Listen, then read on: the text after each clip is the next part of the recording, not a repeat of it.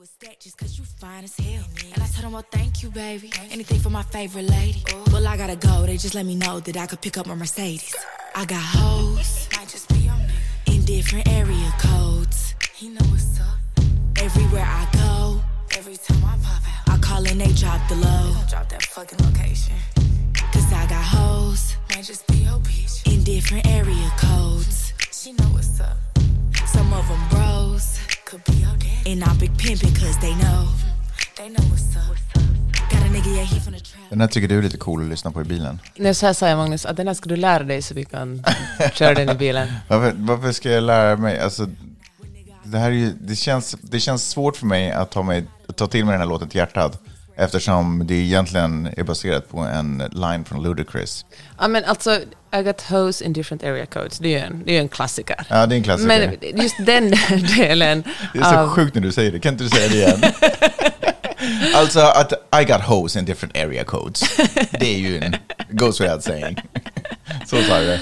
Ja, ehm, ja, men den delen behöver vi inte ha med. Jag vill bara ha det introt. Det är ju Mm. ett väldigt roligt intro. Inte så lätt, men jag tänker att om någon så kommer du att klara av det och sen kan jag hänga på i bilen.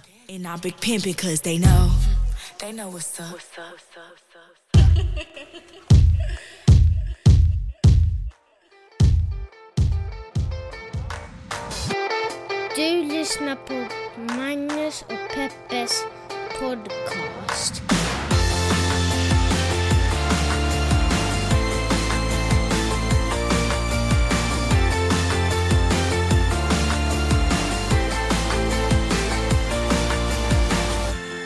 What up hoes! Hjärtligt välkomna till podcasten som heter Magnus och Peppes podcast. En liten podcast där vi pratar om stora och små saker och så gör vi det ur ett feministiskt, journalistiskt och mediegranskande perspektiv. Uttrycket ho, det översätts ju alltid i Sverige när det ska beskrivas som det i media som eh, hora. Det känns inte rättvist. Men kan du berätta hur man ska översätta det då? Jag vet inte om jag kan, Kan vi mig... dissekrera ordet ho? Dissekrera? Eh, jag, vet- jag vet inte om jag... Heter det inte dissekera? Okej, jag är inte så bra på språk och Okej, ord. förlåt, förlåt, förlåt. Jag menar inte stanna upp där. Nej, men jag, jag, jag, jag har inte tänkt så supermycket på det. Jag, jag har bara känslan att hor, alltså det är för grovt. Mm. Men jag tänker bara mer den betydelsen det har i Sverige, eller hur, hur man använder ordet hora. Det är grovt. Det är jättegrovt. Så används ju, eh, jag skulle inte säga att ho är en komplimang eller ett upplyftande eh, ord till en kvinna. Men det bara känns inte, det känns inte Det är superrättvist. liksom hora light. Ja, men också sen... känns som en otroligt kvinnohatande diskussion vi får här. Jag måste nog protestera. Måste dra ner bromsen. Jag vill ändå inte riktigt avsluta den än, för att eh, Pimps and Hoes har ju liksom eh, i populärkultur och liksom normalise- ja, normaliserats av eh, Snoop Dogg Dogg. Det är kanske inte nödvändigtvis en bra sak att det har normaliserats. Men Pimps Och and... Bridget Jones Diary. Var det där? Ja, var det... Ja, men där hade de en Pimps and Hoes-fest för 20 år sedan. Jo, eller? men du tror inte att de tog det från Snoop också? Eller? Ja, alltså vi får verkligen dyka djupare ner. Jag bara menar att jag tror han pratar, alltså jag förstår att Pimps and Hoes i praktiken betyder liksom att en hallick och hens prostituerade, prostituerade.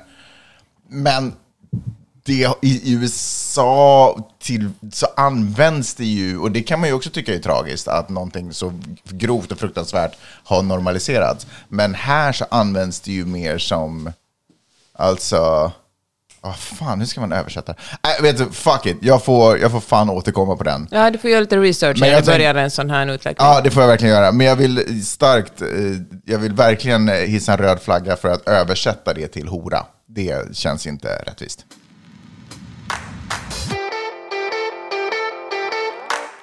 Eh, och apropå hora, hur har du haft det? Nej, men... Ja, Grovt, Magnus. Det var grovt. Det var- Men ibland, det är bara vänner här. Ibland måste man testa och höra hur sjukt saker det låter. Hur har du haft det i veckan? Jag eh, har haft, jag har haft en ganska bra vecka faktiskt. Alltså, Paus, men ord. Alltså i Finland så är ju att kalla någon en kossa är ju typ det grövsta man grövsta man kan säga. Är det inte så? Så har jag fått det beskrivet för mig. Så det känns som vi verkligen har vuxit upp i två helt olika, eller levt i två helt olika bubblor i Finland. En kossa. Ja, men det Så- var någon som sa sådär att om du säger typ så här lehmä till någon, Ja. så det är liksom, det är så grovt. Det är Jaha, så du menar på fult. finska? Ja, ja, absolut. Ja, ja. Jag vet faktiskt inte. Alltså det är ju inte en komplimang. Nej, men att det verkligen är som att jag skulle säga hora till någon. Jag Nej, kanske, det tror jag nog, nej, det håller jag faktiskt inte med om. Ah, Okej, okay. skitsamma. Vi lämnar det där. Berätta hur veckan Um, varit. nej, men det har varit en, en väldigt spännande vecka för mig. Spännande vecka. Ja, jag har ju tatuerat mig till exempel. Just det, ja. Ja, Hur kändes det? Grät du? Ja, och skrek. Ville du ta en paus i mitten? Hur lång tid tog det? Det tog, eh, det tog kanske 45 minuter, mellan 45 minuter och en timme, längre än vad jag hade trott. Och, eh, Än du hade hoppats på menar du? nej men, alltså gud, Magnus, du vet att min smärttröskel är hög. Ja. Så jag är inte en liten whiny som du. Det är okej att vara en whiny. Det är okej, men jag är bara inte sån. Nej, okej. Ja, nej men eh, det, var, det blev jättefint. Det roliga var att eh, Frida hade, min goda vän Frida hade bokat tatueringsstudio. Hon ville absolut till den här, för hon trodde att den fanns ganska nära henne i North Hollywood. Mm. Visade sig att hon hade kollat fel på kartan, så det låg någonstans i djupaste Echo Park. Liksom i de lite ruffare delarna av Echo Park. Det var spännande. Fick du det sagt? Ja, nej men eh, det var jättefint ställe. Bara kvinnor som jobbade där, bara kvinnor som blev tatuerade där. Jättegulligt inrett med en massa växter och, och liksom snygg inredning. Det var ett mysigt ställe. Men grejen var den att när, innan vi kom så fick vi skicka in typ inspirationsbilder på vad vi ville ha. Och sen skulle den här tatueringsartisten komma med ett förslag på vad hon ville tatuera. Och man, fick aldrig, man får liksom inte se det innan. Varför utan då? man bara, nej men jag Gud, vet inte. ty- är, det, är hon pretto? Är, är det det? Den där tatueraren. Ja, men artist. Nej, jag tror faktiskt inte det. Hon väl, hon var från Brasilien ursprungligen, en jättegullig person. Hur som helst så dök vi upp och så hade hon gjort en, en bild av en tatuering, en, en kvinna med en surfboard som verkligen såg ut exakt som jag. Ja. Det första jag gjorde var att skicka en bild på den till dig och eh, Tamara. Och det första Tamara svarade var så här, men det är ju du. Den är jättefin. Jag tycker också den var Ja. jättefin. Och, eh, Och den är verkligen du. Hon har verkligen på något sätt, utan att veta, utan att känna dig, så har hon liksom fångat din hållning på något sätt när du Ja. bär brädan. ja, men Hon det, måste ha kollat dig på Insta. ja, det kunde hon faktiskt ha följt mig också. Ja, det kunde, ja, men hon vill, inte, hon vill liksom inte avslöja att hon hade gjort det.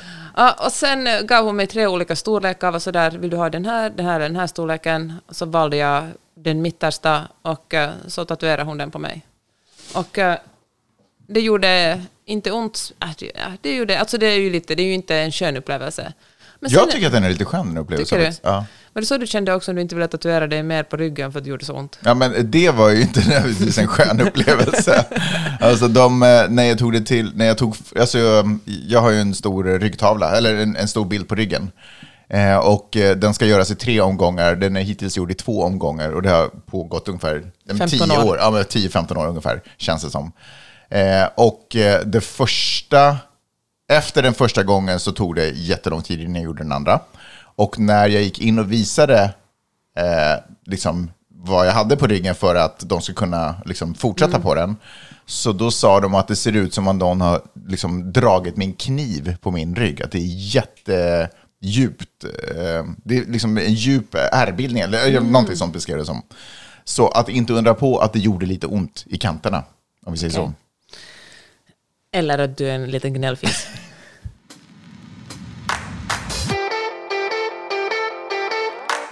Lite snabbt bara om, hur går det med boken? ja, men det går bra. I morse gick det mycket bättre igen. Mm. Du har ju- varit i en svacka nämligen i- ditt skrivande. Ja, verkligen. Det har varit tungt och jag Går det upp och ner så, eller är det den här boken du st- strugglar med extra mycket? Jag känner att den här var en extra svår bok, vilket är konstigt för att jag har en ganska tydlig bild av vad den ska handla om, hur det ska gå till. Mm. Men eh, det har varit många motgångar. Jag har skrivit om mycket, jag raderat mycket, jag har kommit på nya vändningar och karaktärer har fått nya personlighetsdrag som betyder att jag har varit tvungen att skriva om jätte- jättemycket.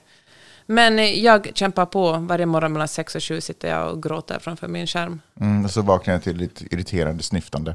Men du, eh, jag vet inte om du har sagt det, men du skriver ju alltså en, kanske inte en, en eh, uppföljning så, men andra delen, eller nej, tvärtom, tvärtom, kanske inte andra delen så, men snarare en uppföljning på, vad fan heter den, en gång om året. Ja. Ja, det blir en ganska... En, eh, det kommer att komma små blinkningar till en gång om året. Det blir, och- Mm, För de om- som har varit med. Ja, men det blir som en liten Easter egg liksom. Fattar. här och där. Men det är en, sin, en egen historia. Jag tycker det är coolt när man som författare skapar en värld. Ja. Jag tittar ju på The Walking Dead. Och det finns ju spin-off-serier, så det fin- de lever ju alla i den här samma världen. Jag tycker det är coolt, för att karaktärer kan komma och gå utan att vara huvudkaraktärer på något Mm, just det. Utan de kan bara dyka upp och sen liksom försvinna i periferin. Men tycker, Men då förstår man också vad som hände i det förra. Jaha, den gick vidare dit. Och nu är den på väg. Ja, jag tycker mycket om sånt. Jag tycker också om när det inte är nödvändigt om man bara är en spontan, alltså en sporadisk tittare. Att man ändå kan följa med. Men är man en hängiven tittare som har följt med alla världar så känner man sig extra inkluderad. Det, Jag älskar det. Eh, Peppe, här är en fråga till dig. Vad är syftet med ditt skrivande? Varje gång jag skriver en bok tänker jag ju alltid att jag kommer aldrig mer att göra om det här för det är så jobbigt. Och sen börjar jag ändå på en ny bok. Så att, Det är som eh, ett barn. Ja, jag kommer aldrig med. Nej, men eh, jag tycker att Varför skriver du? Vad är syftet? det är ett otroligt privilegium att kunna få formulera sig i textform så här långt. Det är coolt att kunna göra det. Och att andra ska läsa det. Det känns som eh, det känns helt sjukt att folk tillbringar så mycket tid med att läsa någonting som jag har skrivit. Så det är väl någon slags, eh, inte vet jag, ego-grej eller narcissism. Men jag hoppas också, nu, och nu blir jag pretentiös på det, men jag hoppas också att det jag skriver kan ge någon som haft en lite gnagande känsla läsa det och vara så att just det, så där känner jag. Nu satte någon ord på det jag kände. Du, så, vänta då, så du, anledningen till att du skriver är för någon form av ego-tillfredsställelse och i hopp om att möjligen connecta med någon där ute om en tanke. Ja, Är det så? ja. Ni vet vad ni hörde det först.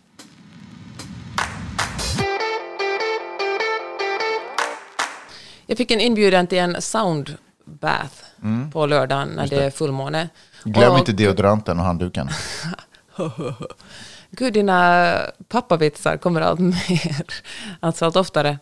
Nej, men jag har ju aldrig Till alla stora glädje, Mm. ska vi också tillägga. jag har ju aldrig gått på ett sånt, för jag har alltid tänkt att det är lite, att det är inte min grej. Men jag tror jag ska göra det den här gången. Det, vänta, för jag skulle vilja veta vilket ord du egentligen tänkte säga när du sen bytte ut det snabbt till inte min grej.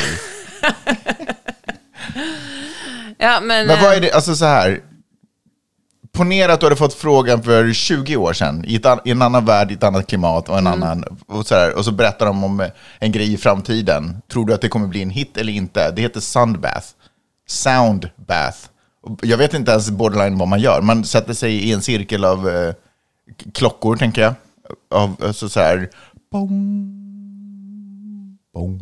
Ja, exakt, det tänker jag också. Det. Jag vet inte, jag har aldrig gjort en sån grej. Kanske något ljus, kanske lite myrra, Ja. någonting sånt. Myrra. Ja. Ja. Eh, för att connecta liksom Ja, ja. med eh, dofter, får oss att öppna upp våra sinnen. Och sen så eh, går man igenom någon form av meditationsinspirerad resa, ish, kan så då? Mm, Jag tänker att det är väldigt avslappnande. Ja. Och man kanske connectar på något sätt. Hur tror du, hur hade du recenserat det här för typ kanske 20-30 år sedan? Jag hade eventuellt varit lite skeptisk Mm. till det. Men alltså, det hade jag också varit för ett halvår sedan, eller ett år sedan. Men eh, okej, om jag ska vara helt ärlig så tänker jag nog mest gå på det, för det ska bli roligt att prata om det i podden. Och jag försöker verkligen vara öppen. Men också för att det här är mamman till en av uh, Miley's bästisar. Mm. Och jag råkade bråka med pappan i familjen förra veckan. Jaha, jag, så du ska gå på det här? så jag tänkte jag skulle gå på det för att visa... Som plåster på såren? Ja, som plåster på såren. Jaha. visa att jag liksom inte är liksom arg på någon i den familjen. Alltså, jag eh, kan inte se någon som helst poäng med att gå på ett soundbath. Däremot kan jag se en poäng med att ta ett soundbath. Om du förstår vad jag menar. Mitt problem är ju inte att sitta i ett rum tyst eh, och låta frekvenser, ljudfrekvenser slå mot mig. Mitt problem är att det sitter andra människor där också som jag börjar störa mig på för att jag börjar tycka att de är pretentiösa, även fast jag kanske är på samma pretentiösa resa. Förstår du vad jag menar? Jag förstår precis vad du menar. Ja, jag vill ju säga emot det här, men jag förstår faktiskt vad du menar. Men jag tänker att du får kanske, eller jag, får, vi får kanske bli lite öppnare bara. Nej, men det handlar inte om att jag är öppen för... Det handlar inte om att jag, är öpp, att jag inte är öppen för metodiken. Jag pallar inte bara av andra människor när de blir eh, frälsta. Jag pallar, inte, pallar inte av frälsta människor. Det är typ lite det. Och då, jag, liksom, jag vill ha min frälsthet för mig själv. Jag ska tala om en sak för dig. Anledningen till att jag var... Jag tror att i förrgår så hade jag pratat helt annorlunda om det här. Men vet du vad som hände i misstag när jag sitter och klipper en eh, podd? Eh, jag behövde ljudet av eh, någon som gör så här. På mikrofonen. Eh, och jag orkade inte ta fram min egen mikrofon. Så jag tänkte, fuck it, vi gör en liten fuling. Jag ser om jag hittar det här på YouTube. Någon som tappar på mikrofonen. Och vet du vilka som tappar på mikrofonen på YouTube? ASMR. Ja, ASMR. Jag vet inte ens vad det står för. Det kan du googla medan jag pratar. Eh, och du googlar inte medan jag pratar. Nej, men alla vet vad ASMR Ah, är. okej, du är den sista som inte vet det. Fast jag är ändå nyfiken på är vad du det den står för. sista som vet det? Okej. Okej, så, så då var jag tvungen att, eller av, av en händelse så, så klickade jag igång ett sånt här YouTube-klipp. Och vet du, alltså, fick du reda på det? Det är Autonomous Sensory Meridian Response. Okej, ni får alla googla själva tydligen. Ehm, men det som hände var, alltså det, bara för en mikrosekund när, det, när jag satte på och, de, och det började, var att det var en underbar känsla i mitt huvud. Alltså det var otroligt nice. Det var inte liksom så mycket exakt vad de gjorde, men ibland så kom de åt en frekvens, eller den här personen kom åt en frekvens som bara, det var otroligt behagligt i huvudet. Men du vet ju att Vidde somnade till det här. va? Ja, jag vet, jo, jag vet, jag vet. Men för mig har det varit liksom, eh, men jag har bara inte fattat. Jag har Mm. Okej, inte men lyssnat. nu, Men nu nu, stod det an en sträng. så, så jag kan liksom, och det har ju gjort att jag då också kan se det här soundbathet. Eh, jag kan se poängen med det på ett annat sätt. Jag, det behöver inte vara spirituellt, det behöver inte vara religiöst, det kan bara vara en nice upplevelse. Förstår du? Ja, jag hör dig. Så jag ser verkligen, verkligen, jag ser verkligen fram emot en liten recension. När ska du göra det här? På lördag. På lördag? Ja, jag, jag, jag vill höra mer om det här sen, Peppe.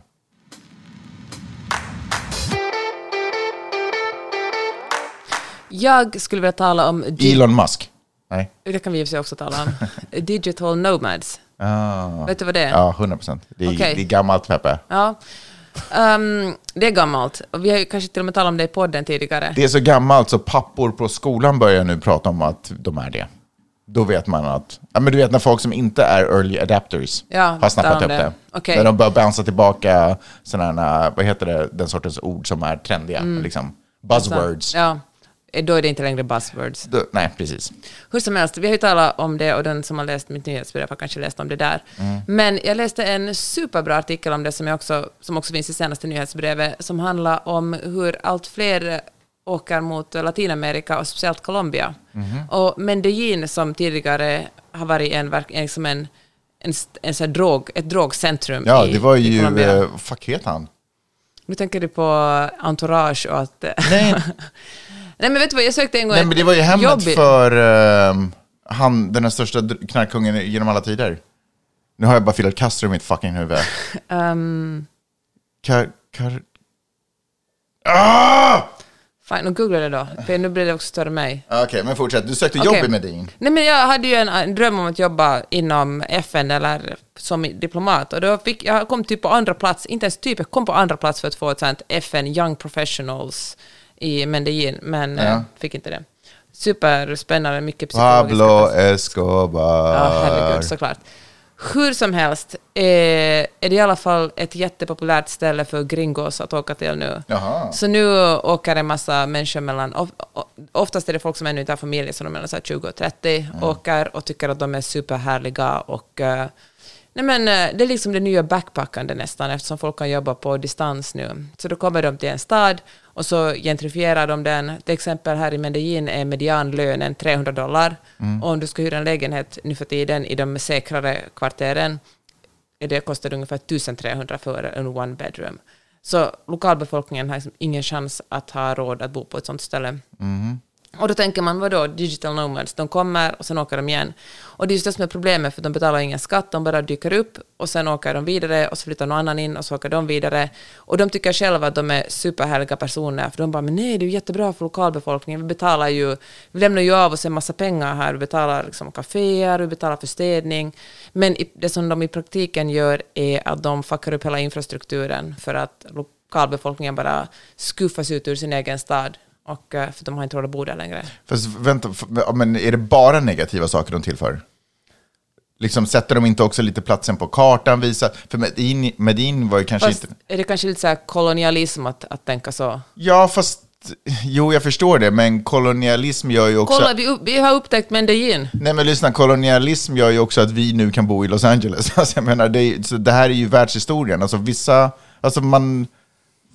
folk upptäcker saker, folk förändrar saker. Kolonialism är ju också varför Echo Park har en tatueringsstudio nu. Det skulle du inte haft för Varför det är 10-15 år sedan. Gentrifiering, tänker Ja, du? exakt. Ja. Det är ju en form av kolonialism, antar jag då. Jag hör, I och för sig hade Ecopart garanterat tatueringsstudio, men kanske inte en sån hipster-tatueringsstudio. Du hade inte åkt dit till Nej. den? Nej, alltså... Och du, man hade varit tvungen att prata spanska.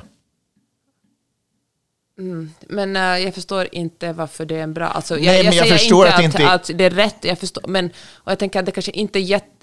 Alltså, hmm, för det första betalar vi ju skatt i LA. Alltså vi bor här, vi är Mm. inte nomader. Vi liksom... Så det är ju just själva skatten som är det stora problemet. Att de inte, Nej, jag det menar, är delvis ett problem. Alltså, jag Fast på håller- sätt och vis betalar de ju skatt, för de kommer ju dit och köper varor som är skattebelagda.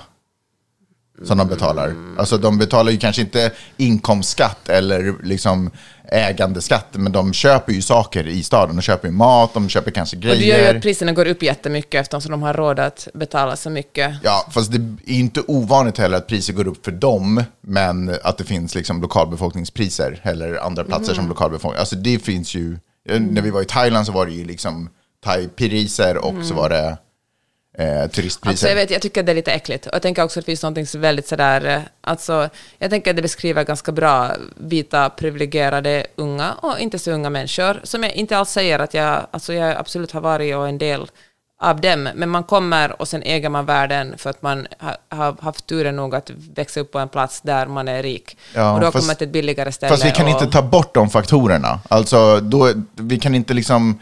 Vi kan inte jämna marken och ha alla människor på samma nivå. Det enda vi kan göra... Mm. har de till, som är ett jättestort problem. Där har de till exempel löst det så här att de, de kommer att planera att göra en speciell skatt, ett, en visumskatt, så de kommer dit och ska jobba som betalar extra mycket. Mm. Ja. Och eh, det är ju ett exempel, jag menar när du säger att det inte finns en lösning, klart det finns lösningar. Och på Bali är det ett problem att, jätte, eller för dem, Jo, ett ju problem att egentligen- det flyttar jättemycket ryssar dit eftersom det är ett de ställen som ryssar kan åka till. Mm. Så bara drar de dit och liksom lever loppan där och stör lokalbefolkningen jättemycket. Och liksom, Fast det är ju bara en ny nivå av människor som vi då kommer störa oss på. För att är då är det ju bara folk som har med, ännu mer pengar som har råd att göra. Då blir det ju nästan ännu grisigare. Liksom. Vad menar du? Nej, men om man, om man tillför en skatt, det påverkar ju inte folk som är asrika. Nej, men jag tror att eh, om, man på, om man tar en skatt för ett visst sorts visum så låt- låter ju de människorna som annars skulle bara stanna en viss stund för att jobba till exempel, Alltså, bli att komma dit och då kanske det flyttar människor som vill stanna där längre eller som är enbart turister eller vad vet jag. Jag tycker att det är ett större problem när det liksom, eh, som i Thailand, att det kommer liksom rika kineser, tar över, köper mark, bygger hotell. Peng, inga pengar, de pengarna hamnar, stannar i Thailand. Eller, eller väst... Eh, Fast det där är liksom en falsk motsättning, att titta på andra saker som är problematiska Nej, vi- och bara säga att som om det skulle vara... Nej, jag säger inte... Jag, nej, jag sa att jag, jag menar bara att jag har större problem med, med liksom systematisk exploatering än individer som åker runt och upptäcker världen för att de har möjlighet att upptäcka världen. Fast jag tror att deras sätt att uppfatta världen är ju att de bara skapar ett Silver Lake eller ett liksom Södermalm. Fast det gör de inte, de åker ju omkring sa du ju. De stannar ju inte. Ja, men de stannar... De gentrifierar ju inte området genom att bara bouncea på... Det är ju exakt vad de gör, för de stannar kanske ett halvår och så finns det en efterfrågan på viss sorts kaféer, någon kanske stannar där och öppnar ett café. Alltså, ja, men det, du får ha din åsikt. Om du inte tycker att det är ett problem med, med digitala nomader så är det fine. Men att hitta på liksom Nej, andra problem finns- med kolonialism, är liksom... Nej, men jag kan se att det finns ett problem med digitala nomader, men jag kan också se att de tillför. Jag tänker att det kan ju inte skada för Medellin, som har varit en plats som man kanske inte åker och turister till, att det nu kanske börjar visa sig att vara en plats som kan locka till sig turister. Det kan Fast- ju bara gynna deras ekonomi. Fast om du tittar på liksom Sydeuropa till exempel, så är det så här som Barcelona och Rom, och, åtminstone Barcelona, kanske inte så Rom så mycket, eller Venedig, Barcelona Venedig, där lokalbefolkningen verkligen går ut på gatan och protesterar mot turism. Alltså det bästa som kan hända i en stad är inte att det kommer en massa turister dit. Ja, men det säger de tills alla turister slutar komma. Sen tror jag att de är så här, eh, hallå, var, var, vad tror du att de får huvudsakligen av sina pengar ifrån ens? Tror du Men att det är att de säljer med- bröd till varandra på... Nej, liksom, men jag tänker att det bästa för ett land är ju att man kan bygga upp en infrastruktur och ett system där som man kan försörja sig själv, inte där man är be- beroende av att det kommer folk från andra håll. Det är 100% kanske en liten sant. del. Men problemet är ju inte turismen, problemet är ju turismen som skövlar som skiter i att respektera platsen de är på, utan som vill ha sitt, äh, saker på sitt, att man åker till eh, Rom, eller det var ju kanske då ett exempel, för jag tänkte säga köttbullar, men det kommer ju fucking typ därifrån. Men, men att man åker till andra platser och vill ha det på sitt sätt. Liksom den skövlande turisten, den är ju naturligtvis inte bra. Men eh, jag tror att Venedig skulle ha ett enormt problem om världen slutade åka dit.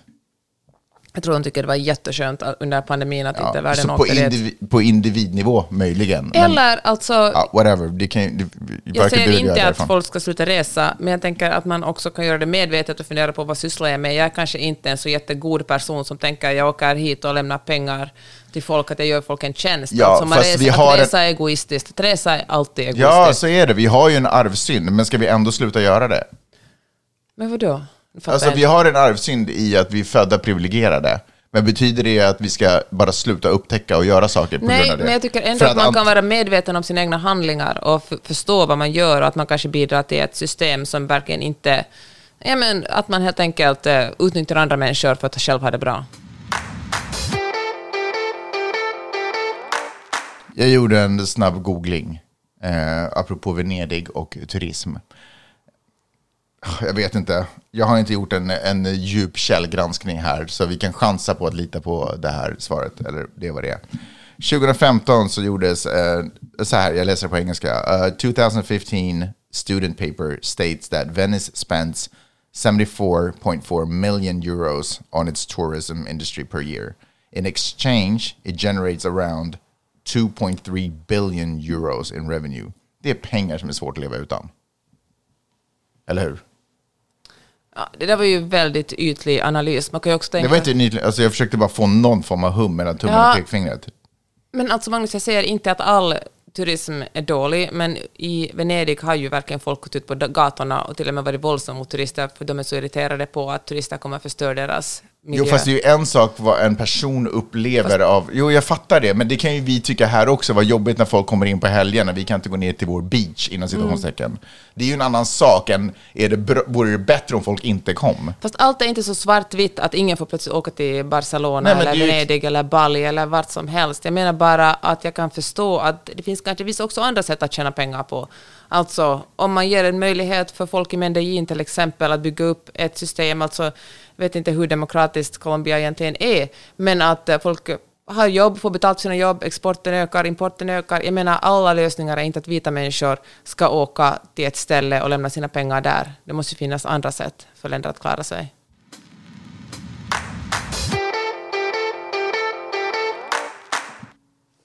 Talade vi förra veckan om Ron DeSantis haveri med Elon Musk på Twitter?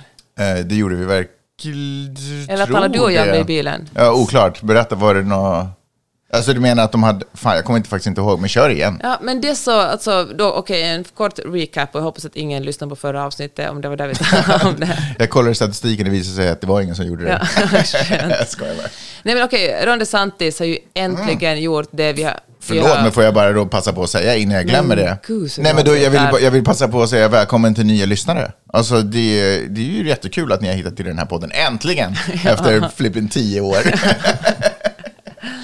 Okej, fortsätt. Förlåt. Vi har ju talat om DeSantis i nästan alla de tio åren och sagt att han kommer att ställa upp i presidentvalet mot Donald Trump för att bli Republikanernas presidentkandidat och nu har han äntligen gjort det. Och han gjorde det, valde att eh, gå ut med sin kandidatur på det konstigaste sätt man kan tänka sig, nämligen på Twitter med Elon Musk. Och eh, det var en eh, katastrof. Det var en fadäs, Det man var, en, säga. eh, det var en disaster, som Ron Disaster, som...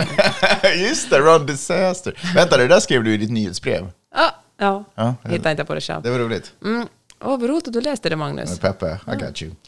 Um, vad gör det som en tjänst för mig? Ja. okej, för.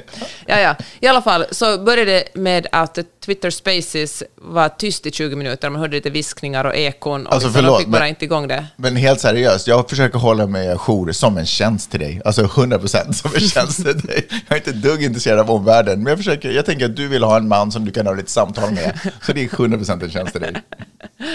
Okej, eh, tack inom You're welcome, you're welcome. Hur som helst var det en, en katastrof. Alltså, det var, det var inget, folk, det var inte så många som lyssnade till att börja med, och då, skyld- men ändå så var det för många som lyssnade för Twitter. Det höll helt enkelt inte. Alltså, det var tyst, det var viskningar, det var ek, ekon och, Och det kanske konstigaste Alltså av allt var att det är ju heller inte riktigt en Ron DeSantis publik som finns på Twitter.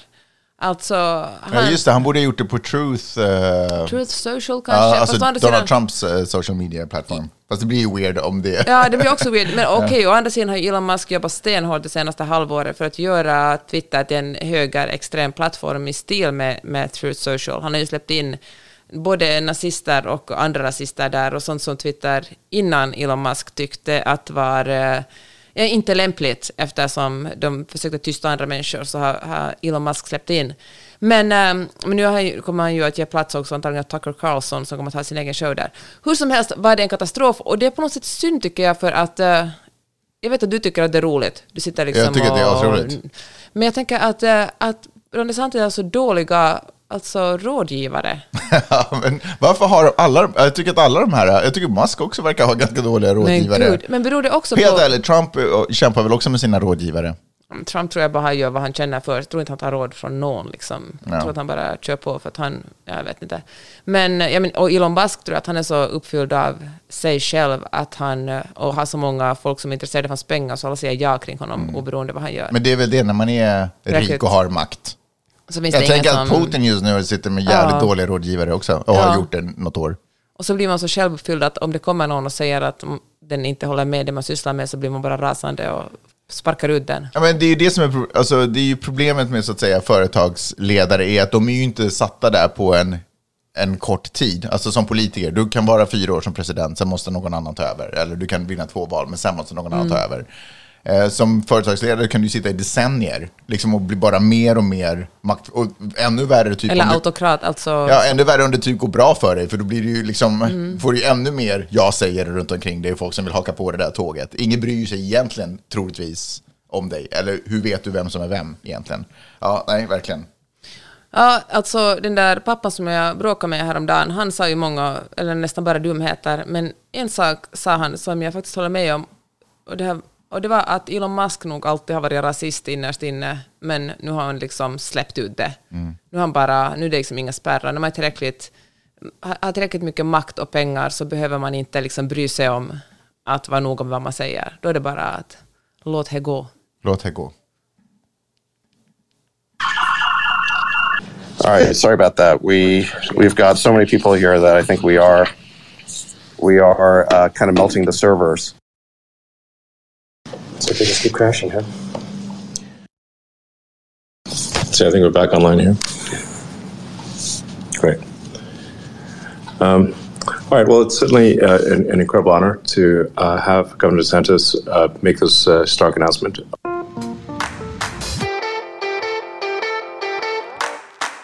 Jag läste en eh, artikel som också finns i mitt nyhetsbrev om eh, koreanska plastikkirurger. Får jag bara säga att ett eh, nyhetsbrev, peppe.substack.com, otrolig källa för kurerad, kurerad? Heter det så? Eh, information. Artiklar, egna tankar, ja, den är väl kanske inte så kurerad, annat än i ditt eget huvud. Eh, men otroliga artiklar, mycket bra information, förklarar saker som pågår just nu runt omkring dig i världen vi lever i. Bra att veta. Eh, och det är Peppe som gör det. Den kan man ju prenumerera på gratis. Men känner man att man har pengar och eh, vill supporta eh, ditt hårda arbete, för du sitter ju ändå varje vecka och skrapar ihop det här för dig och för andras skull. Så då kan man betala, vad är det? Det kostar bara fem dollar i månaden. Fem dollar i månaden. I månaden?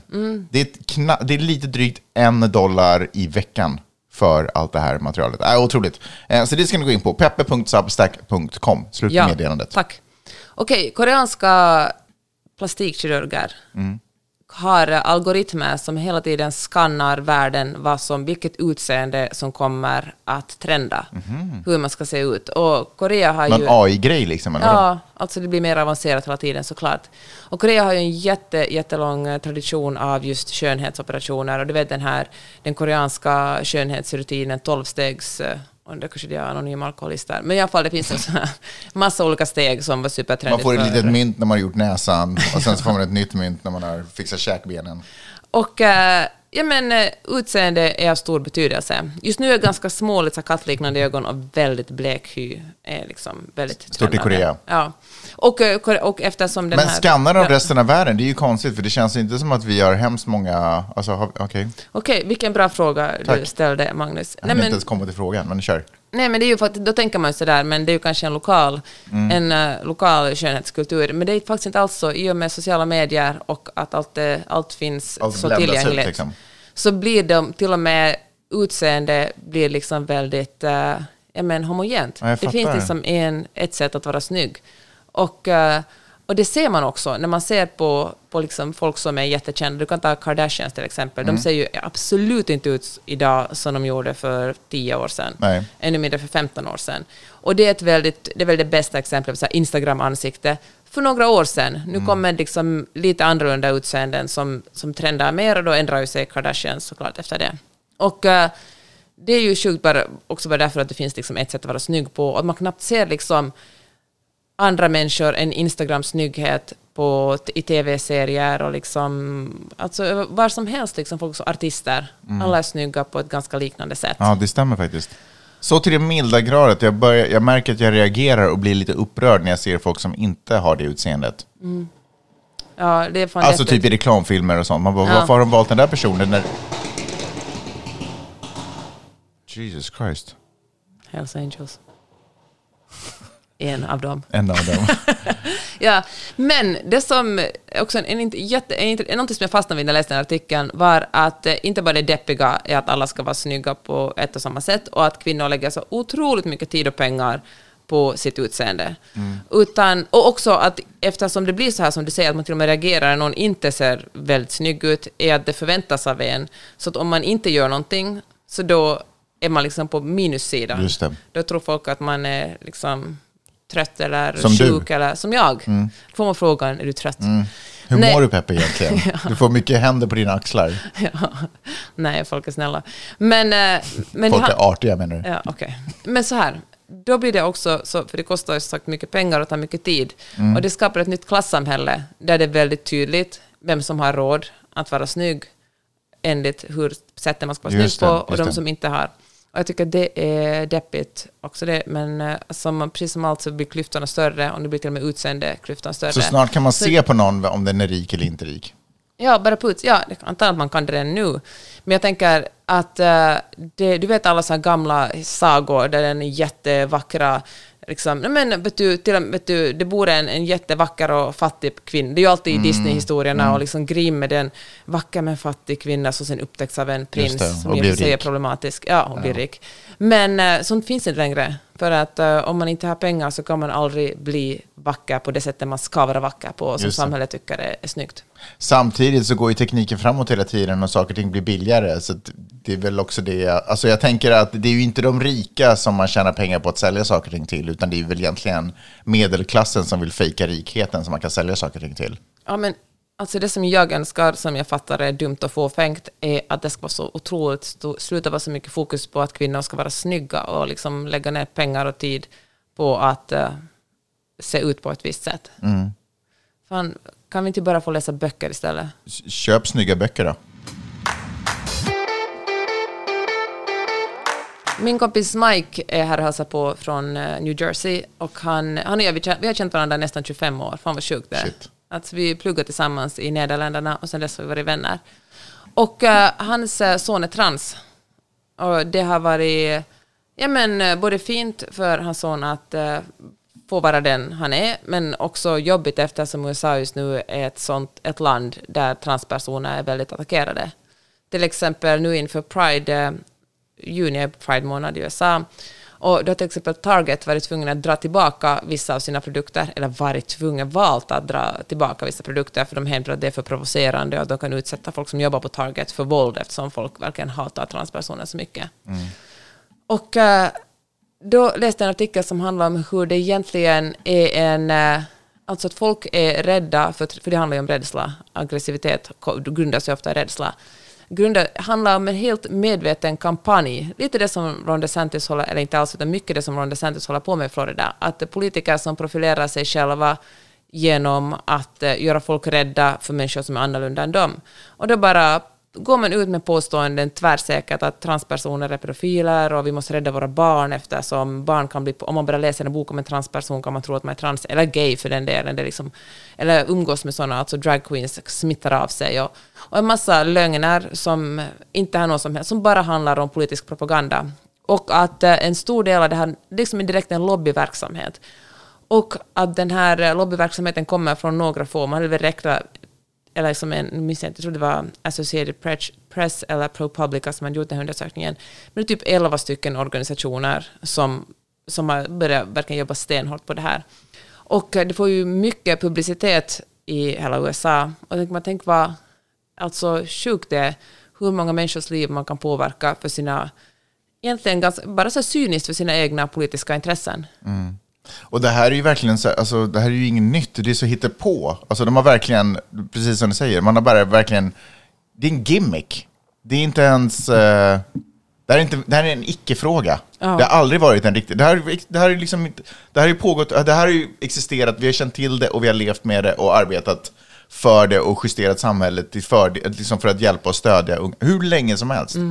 Det här är bara, men det är som vi har pratat om, det här är ju en cover-up för fadäsen med abortlagen. Det här är så här, låt oss prata om någonting annat som känns konstigt. Och något som lätta, skrämmande. lätta, det är lättare att skoja om det här, om vi säger så. Det är lättare att göra sig lustig på det här än, eh, än våldtagna unga kvinnor som inte kan eh, eh, göra abort eller har rätt, att, rätt till sin egen kropp längre. Ja, eller kvinnor som har barn som är... Det är svårare att hitta ja. på skämt på det temat. Liksom. Ja, på tal om skämt så tog jag en promenad med min kompis igår innan middagen och så sa han att eh, han är så besviken och arg på, på komiker och så tog han som exempel eh, Ricky Gervais.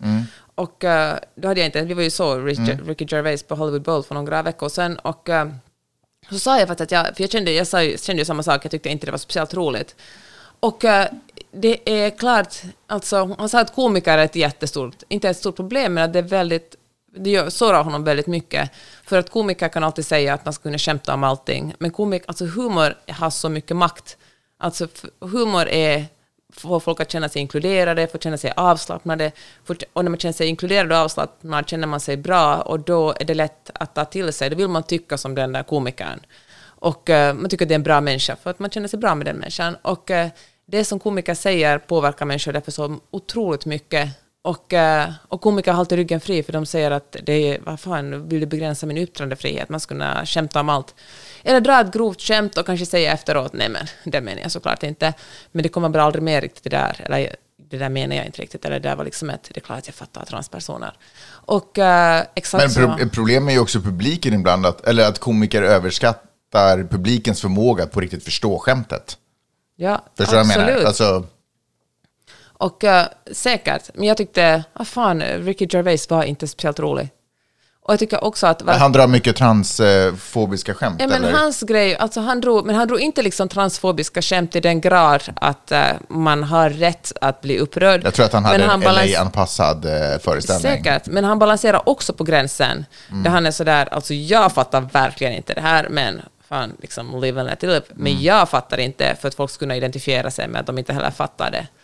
Alltså skämt, och sen eh, försökte han, och sen skämtade han jättemycket om pedofili.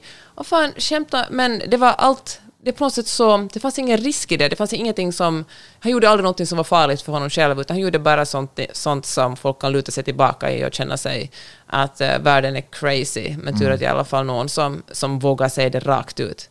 Och eh, det, ah, fan deppigt Magnus, mycket deppiga ämnen vi pratar om i dagens podd. Ja, men du eh, Alltså jag. har valt massa deppiga...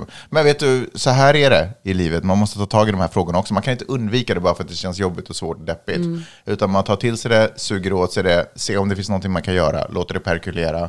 Plötsligt kommer man på en briljant idé en vacker dag. Och så tar man ett steg åt en bättre värld. Ja, och jag tycker också det är viktigt att man funderar på vad man själv tycker. För sen om det kommer någon som, man, som säger någonting som Mm. kränkande eller någonting som man inte alls håller med om, då har man formulerat det i sitt huvud, då vet man var man står, då kan man säga emot. Här skulle jag vilja komma med ett litet råd apropå att argumentet jag förstår inte det där. Att istället för att välja jag förstår inte det där så jag tänker inte röra vid det. Så utmana sig själv i att okej, jag förstår inte det här, det är fine. Men jag ska försöka förstå det här. Och sen det bästa sättet att försöka förstå, speciellt om det kommer saker som har med människor att göra, är ju att närma sig och prata med människor som på riktigt går igenom de här sakerna, vad det än kan vara. Det kan handla om att jag förstår inte vad är poängen med cancer, eller vad är, hur är det att leva med det. Men ett sätt att få reda på det är inte att googla vad Ron DeSantis säger om det, utan, eller andra idoler man kanske har, utan att på riktigt bara närma sig en sån människa och prata med den människan. Alltså, vi har ju en, en kompis som är ganska, som är Trump-supporter och som, som verkligen är ett super för transpersoner. Och jag tänkte att det skulle göra så gott för honom att få träffa min andra kompis, som är pappa till en transkille. Men eh, alltså det skulle, jag tror att, att vår kompis skulle ändra åsikt bums. Men här måste jag säga att det, huvudsyftet är ju inte att någon ska ändra åsikt, eller, utan det handlar ju om att egentligen ge sig själv en genuin chans att lära sig. Eh, jag, jag tänker att vi fastnar ganska mycket att du håller inte med mig eller jag vill få det, jag argumenterar bara för att du ska ändra åsikt och hålla, tycka som jag. Det är liksom inte riktigt, det kan ju inte vara det som är fokus, att vi hela tiden ska vinna argument. Det handlar om att vi ska växa och lära oss så att vi kan fatta bra beslut för oss själva, vår familj, våra grannar och det samhälle och den världen vi lever i, tänker jag. Och då måste vi börja mötas. Mm.